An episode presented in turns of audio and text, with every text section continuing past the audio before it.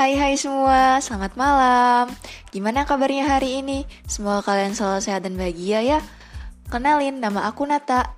Kali ini aku akan membawakan cerita tentang perjalanan kisah panjang dari Raka.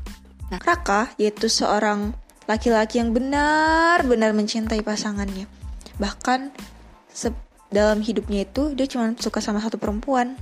Dari dia kecil hingga dia dewasa. Enggak, dia nggak seperti yang kalian bayangkan loh. Dia itu tidak sempurna. Kan kalau standarnya orang Indonesia nih ya, ngelihat cowok ganteng gitu. Walaupun dia punya kekurangan, tertutupi sama ganteng dia.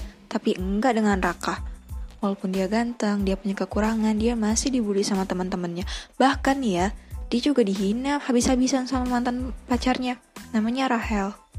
Dia seorang model yang waktu itu berpacaran sama Raka sebelum dia berpacaran dengan Tasya. Sosok Tasya inilah yang mengubah sudut pandang Raka.